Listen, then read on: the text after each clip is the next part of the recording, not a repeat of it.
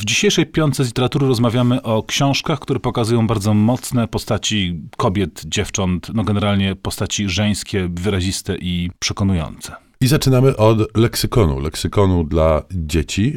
E, leksykon... A nie, nie dla, dla dzieci. Myślę, że dla dorosłych również doskonale się nadaje. E, niech ci będzie. Bardzo to e, kolorowa książka, która przedstawia 100 postaci kobiecych. Ma dość długi tytuł. To brzmi Opowieści na dobranoc dla młodych buntowniczek. 100 historii niezwykłych kobiet. I za książkę tę, za jej koncept i tekst odpowiadają Elena Favilli i Francesca Cavallo. Natomiast ilustratory, które wzięły udział w tym przedsięwzięciu jest prawie tyle, co bohaterek książki, a bohaterki to najróżniejsze. Od Kleo Kleopatry po zupełnie nam współczesne. Bo to jest bardzo prosty koncept. Mamy rzeczywiście jakby na, dwie strony. Z jednej strony mamy tekst y, krótki, pokazujący czy streszczający historię danej postaci kobiecej, a z drugiej jej podobiznę, y. I to jest o tyle niesamowite, że samo przekartkowanie książki pokazuje ogromną różnorodność, bo te ilustracje są w bardzo różnych utrzymanych konwencjach. To bardzo też ciekawie koresponduje z y, treścią i z charakterem tych, y, tych bohaterek.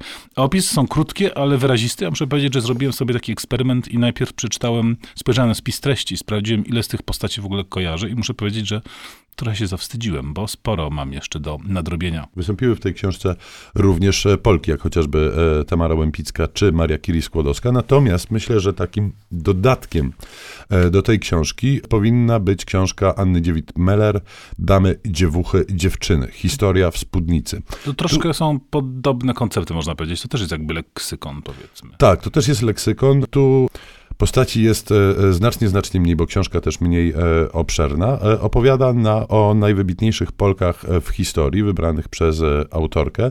Przy każdym rozdziale jest słowniczek tłumaczący być może dla młodego czytelnika niezrozumiałe koncepty historyczne.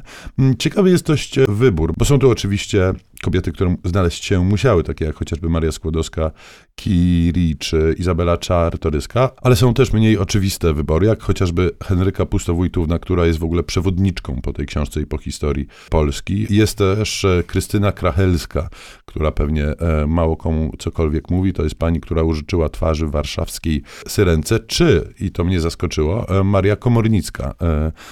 To dość odważny wybór, by Marię Komornicką w książce jednak adresowanej dla dzieci e, zamieścić. Przypomnijmy, Maria Komornicka to Piotr Włast, czyli poetka, która w, e, na początku wieku postanowiła zmienić płeć. Jest też oczywiście Stefania Wilczyńska, Irena Sendlerowa czy Wanda Rutkiewicz.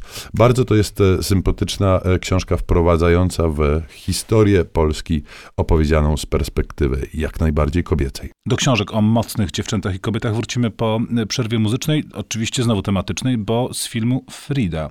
Kawałek w wykonaniu Caetano Veloso i Lily Downs pod tytułem Burn It Blue.